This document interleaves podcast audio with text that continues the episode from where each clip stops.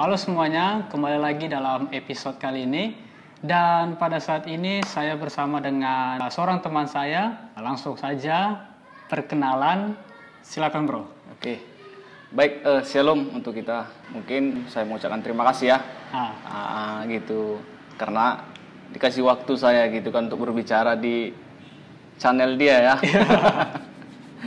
baik, eh, nama saya itu Jompri Okto Pramaca Gultom. Pada saat ini saya menjabat sebagai ketua cabang GMKI di Dumai, masa bakti 2018-2020. jadi kita udah kenal lama dan eh, tadi yang dibilang eh, sebagai menjabat sebagai ketua ya. Ya, Ketua masa bakti sampai tahun 2020. sampai tahun 2020 dan pertama kali aku main di atau juga diajak di game KI itu waktu masanya Fernandes Ya. itu sekitar tahun berapa ya Sekitar dia pada saat itu ketua bidang aksi pelayanan 2015 2015 oh ya. ya 2015 jadi pada saat itu game KI sendiri ada buat festival kalau nggak Ya, salah ya festival, ada ya, buat ya. festival jadi uh, aku diajak sama dengan beberapa teman itu kami miringin apa ya uh, yang Vokal solo. vokal solo saya. ya ada ada solo ada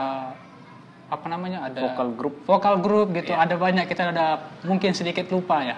Ada lima tahun yang lalu. Dan John Free sendiri juga berada dalam komunitas game KI tersebut. Ah, boleh sharing kapan mulai gabung ke game KI dan kenapa gabung ke game KI karena game KI sendiri ini nasional ya. Iya, ada nasional. ah, juga salah satunya ada di kota Dumai. Bisa share? Yang pertama itu kan yang namanya GMKI itu kan identiknya sama mahasiswa gitu ya. ya ya betul Ah, ah. Jadi pada saat saya mengenalnya GMKI itu ketika saya baru masuk kuliah dan ospek. oke Ah, ah. Jadi pada saat ospek itu di eh, Isoma namanya Isoma. apa isoma Isomanya itu eh istirahat apa itu ya? Istirahat sholat Oke. bagi kaum muslim gitu ya Ah, pada saat itu hari Jumat gitu. Oh, Jadi eh, kami dari yang yang baru-baru masuk atau maba ini itu dikumpulkanlah, hmm. dikumpulkan jadi satu. Jadi di situ datanglah eh, beberapa pengurus dari GMKI yang masa bakti 2012-2014 itu. Pada saat eh, ketuanya itu Lamhot Gultom. Oke oke. Ya, jadi di situlah mereka mensosialisasikan mengenai GMKI ini. Pada saat situ mereka menjelaskan mengenai kegiatan-kegiatannya.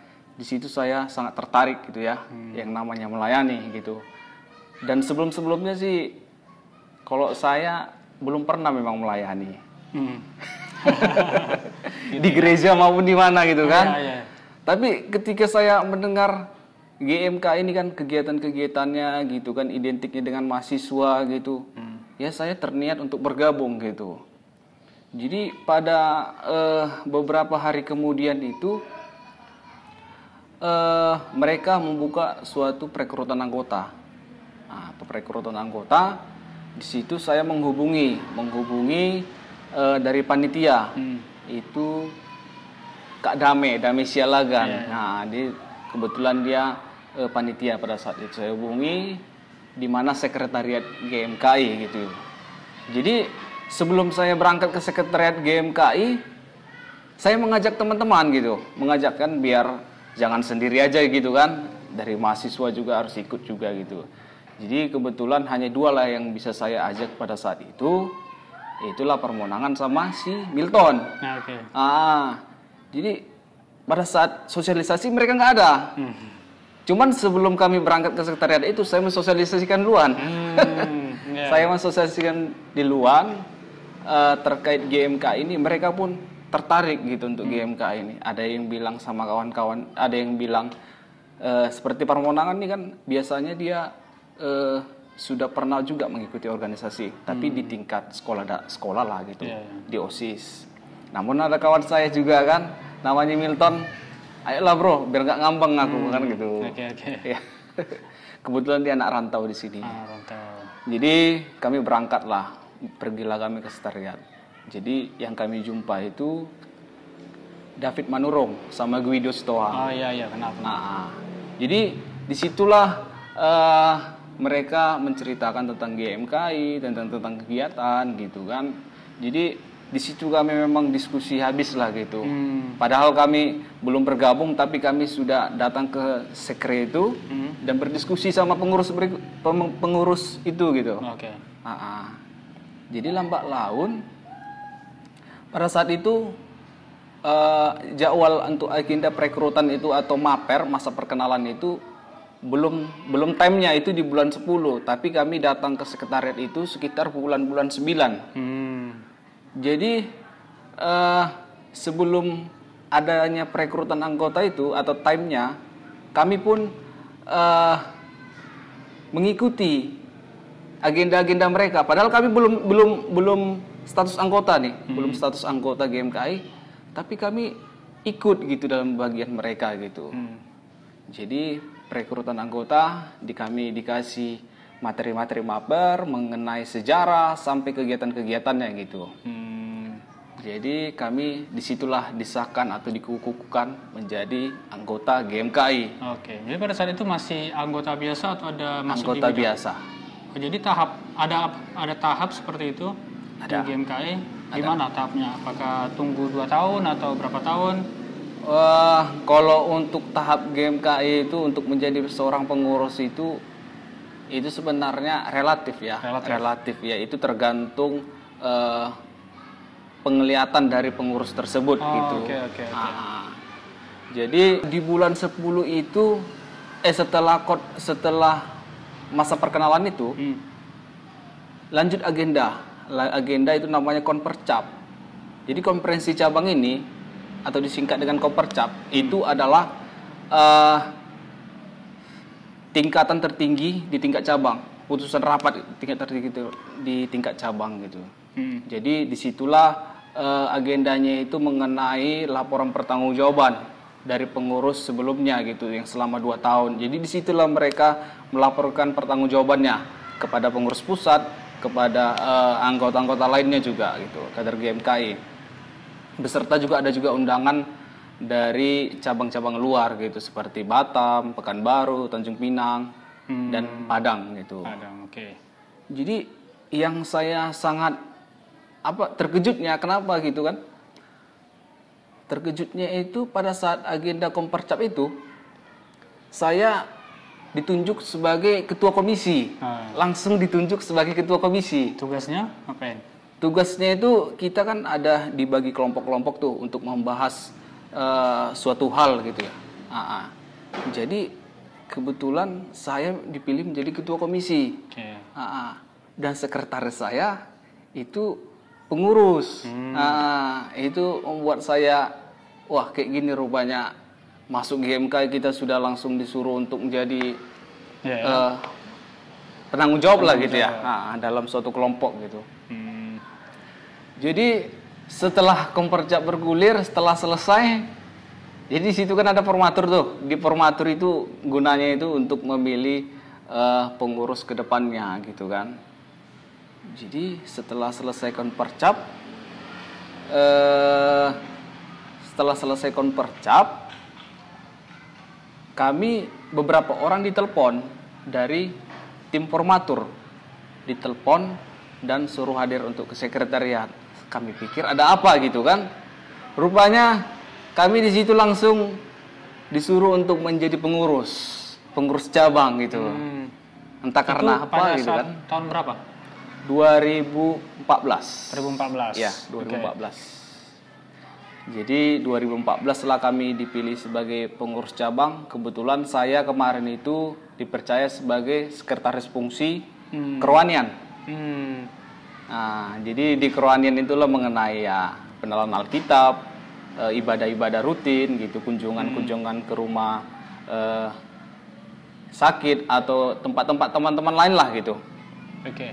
Jadi pada masa 2014 itu dan ada sudah jadi sekretaris fungsi, fungsi Iya. sek- bagian sekretaris. Ya, sekretaris fungsi kerohanian. Oke, oh, sebagian kerohanian juga bisa disebut Ya, bagian kerohanian.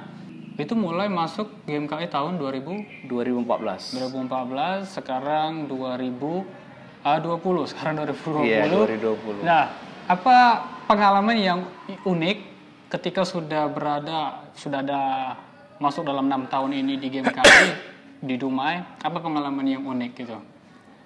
Atau mungkin yang paling berkesan mungkin mungkin ya setiap tahun ada yang ada yang pada kesan tersendiri, tapi mungkin ada satu atau dua yang paling berkesan pada saat apa gitu coba sharing. itu mungkin pengalaman yang paling terkesan itu sebenarnya yang yang masih saya ingat ya sampai sekarang itu dan lucu dia. Hmm. Jadi ketika saya di situ menjabat sebagai sekretaris fungsi kerohanian, Oke. Iya. Jadi ketika eh, ketika ada suatu ibadah gitu kan, ibadah di rumah teman lah dari Civitas GMKI. Jadi mereka sudah berkumpul di situ. Saya baru datang gitu kan dan bawa tas ransel, eh tas sandang gitu Tas ya, sandang, oke. yang di samping tuh. Jadi ada juga yang mantan mantan pengurus sebelumnya langsung bilang kayak gini, langsung bergerak orang itu, awas awas awas, Mhm. datang sintua dah. langsung sintua disebut kita gitu. Jadi Oh. ah, itu yang paling terkesan di di kerohanian ya. Iya, Mungkin sampai sekarang pun saya masih ingat itu gitu.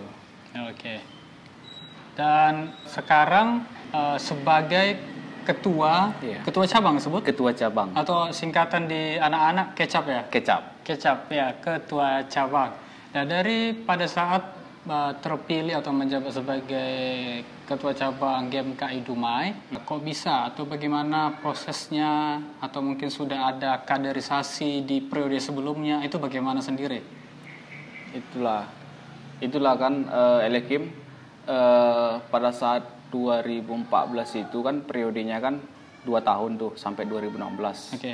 Jadi pada saat itu eh, 2016 itu kami ada sidak pleno 3 namanya Itu di di 2016 Eh, kepengurusan kerohanian di sekretariat. oh, sekretariat. Ya. Jadi di situ di pleno 3 itu kan kami menyusun laporan pertanggungjawaban yang untuk dibawakan ke Kopercap gitu kan. Hmm. Jadi ketua cabang pada saat itu David Manurung gitu kan menanyakanlah kepada teman-teman yang ada pengurus pengurus yang ada di tempat itu siapa lah yang akan melanjutkan estafet gitu. Jadi giliran saya lah di situ. Giliran saya ditanya kau Jompri sebagai apa gitu kan? Hmm. Atau lanjut atau gimana gitu atau berhenti di situ aja. Oke. Jadi saya sampaikan langsung cap saya eh, kalau untuk ditunjuk nomor satu, nomor dua, nomor tiga saya siap. Hmm. Ketua, sekretaris dan ben- bendara cabang saya siap gitu. Oke. Ah, ah. jadi lambat laun ya saya terpilih di situ sebagai sekretaris cabang Oke. gitu dan diketuai oleh Dame Syalagan. Oh, berarti jadi sekretaris dulu. Iya dari sekretaris Itu dulu saya. 2016? 2015 ke 2018. 2018. Oke. Ya. Lalu selanjutnya Jadi selanjutnya itu di 2018 itu kami mengadakan kompercap lagi. Hmm. Di situ pemilihan pengurus yang baru lagi. Jadi di situ memang dari awal kan dari 2016 itu kan memang eh, ada niatan gitu kan. Oke. Ada niatan memang 1 2 3 saya siap gitu. Jadi 2018 saya memang eh, berkeinginan untuk melangkah lagi ke depan gitu kan. Saya memang eh, tempatkan lah gitu. Saya ingin menjadi ketua cabang gitu untuk periode selanjutnya. Cuman kan prosedurnya itu kan melalui pemi- pemilihan dari anggota gitu.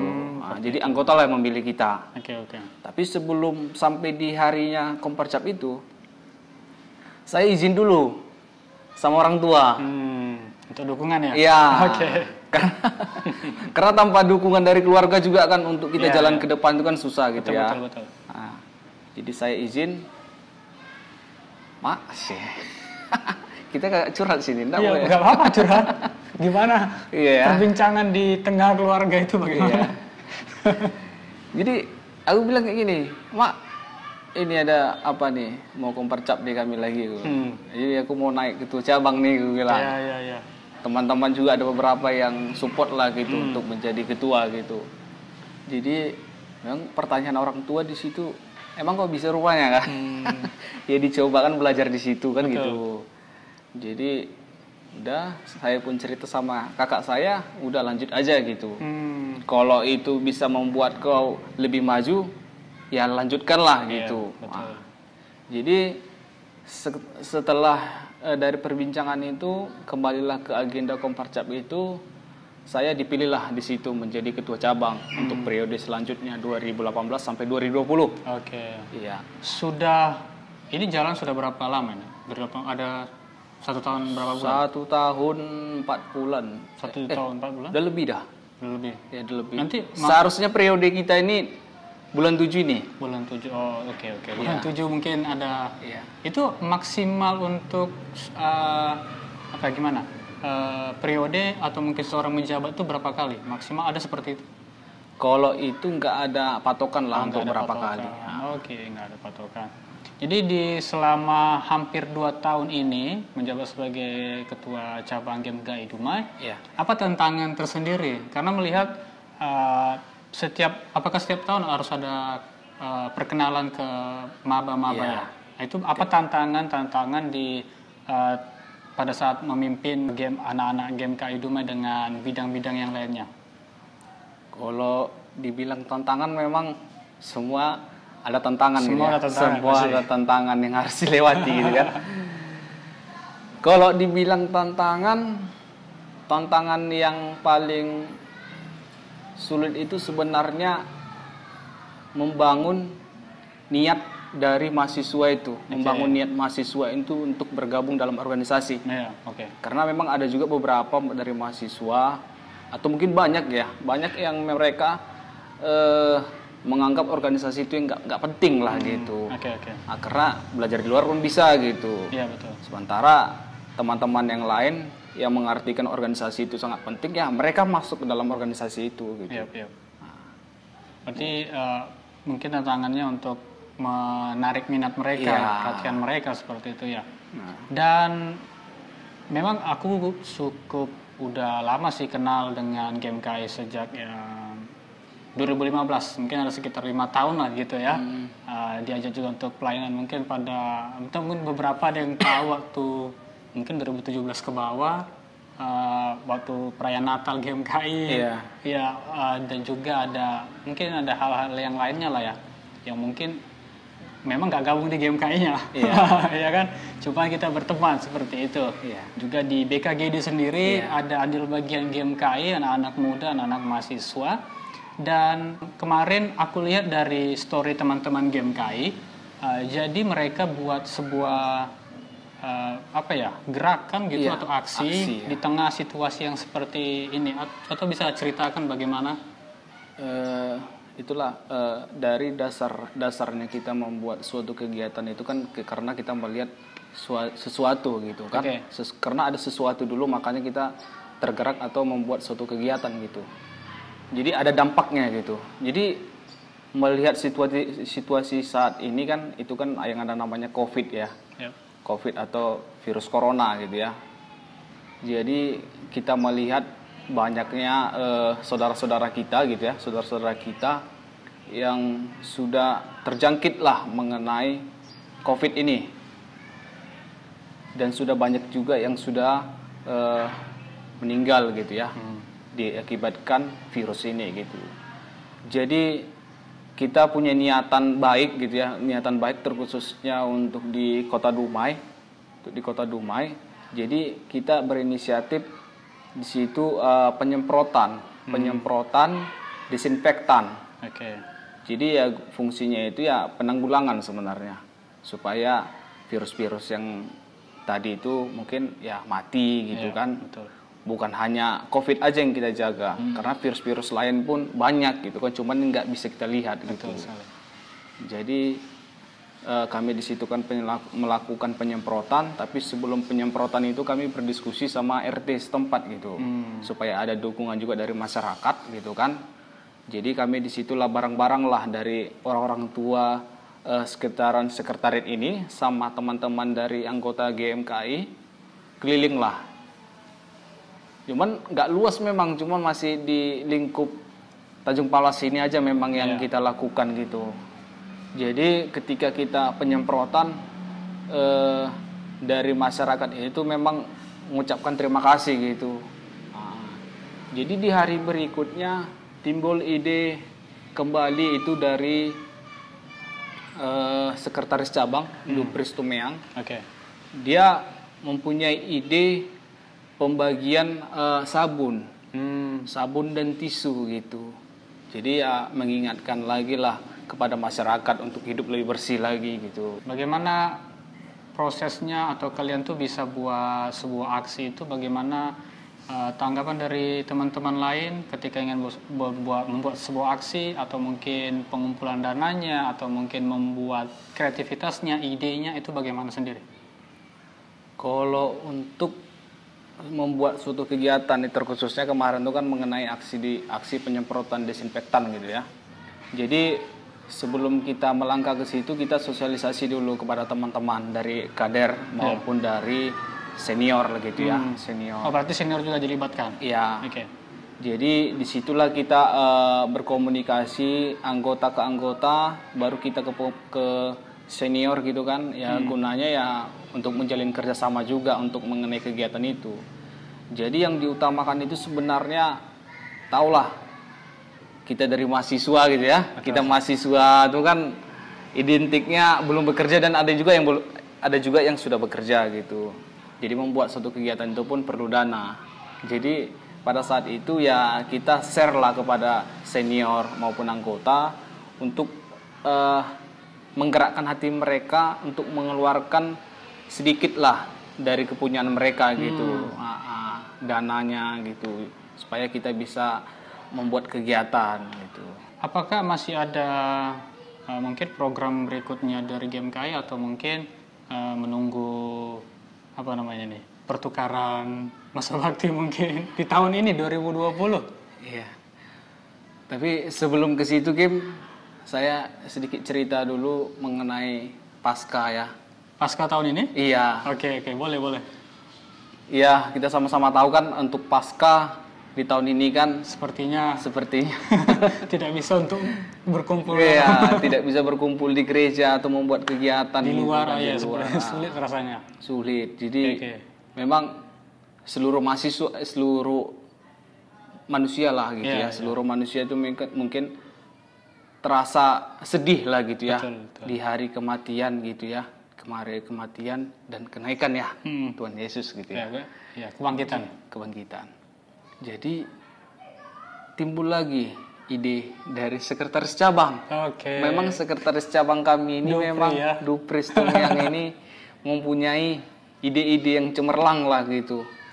Jadi dia mempunyai ide pembagian telur. Hmm, ya, ya, pembagian ya. telur pasca kepada anak-anak sekolah minggu.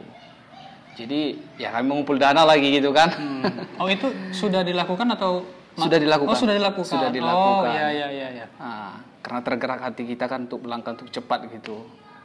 Jadi kita kemarin tuh hari Sabtu. Hmm. Karena Jumat Agung hari eh, bulan tanggal 10, ya. tanggal 11 lah kita buat pembagian telur pasca hmm, itu. Ya, ya, ya. Jadi kita bagi telur itu di Batu Bintang, hmm. Bukit Batrem, Merdeka Baru dan Air Bersih. Oke okay, oke. Okay. Nah, jadi di situ memang anak-anak memang sangat senang gitu. Ada yang nangis. Pada saat itu dikasih telur dia senang hmm, gitu. Iya, iya. Jadi ketika ada juga orang tua juga di situ, ini kegiatan apa nih ini? Katanya gitu kan. Hmm. Setelah dia baca gitu, karena di setiap telur itu kami buat ayat gitu. Okay. Ayat Alkitab dan ucapan selamat Paskah. Oke. Okay.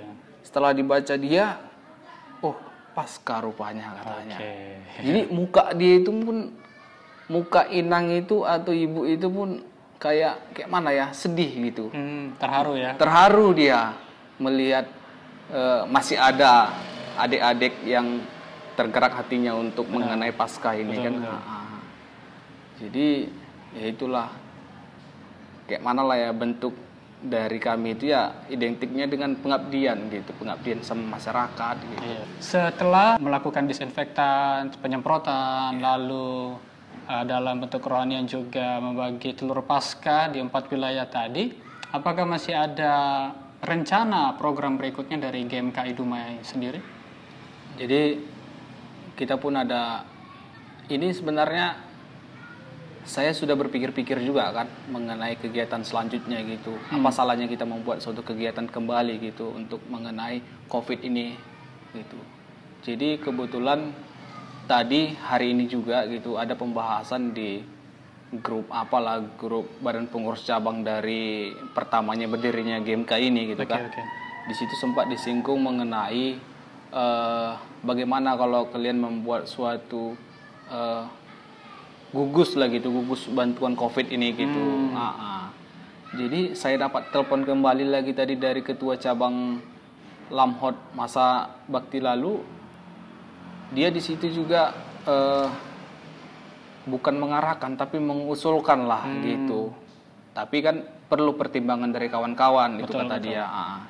Jadi itulah rencana kita ke depannya kita membuat suatu eh, penggalangan dana untuk bantuan-bantuan eh, yang kita sodorkan lah atau kita beri kepada masyarakat-masyarakat yang memang benar-benar belum mendapatkan bantuan dari pemerintah gitu. Oke, oke, oke. Well, saya rasa banyak aksi yang bagus yang dilakukan dari GMKI tersendiri dan tentunya uh, semua daripada teman-teman GMKI membantu mendukung uh, program karena nggak bisa bekerja sendiri aja. Betul. Iya kan nggak bisa kerja sendiri. Well, thank you bro Oke, thank you. buat sharing pada kali ini Oke, dan sukses untuk program ke depannya oke, siap. uh, GMKI Dumai. Semoga uh, menjadi dampak, memberi dampak di kota Dumai. Sebelum menutup, kami ingin menutup dengan ciri khas daripada GMKI. Ya. Tinggi, Tinggi iman, iman, tinggi ilmu, tinggi ilmu, tinggi, tinggi pengabdian, pengabdian, ut omnes omnes unum unum sin. sin. Shalom. Shalom. Thank you semuanya.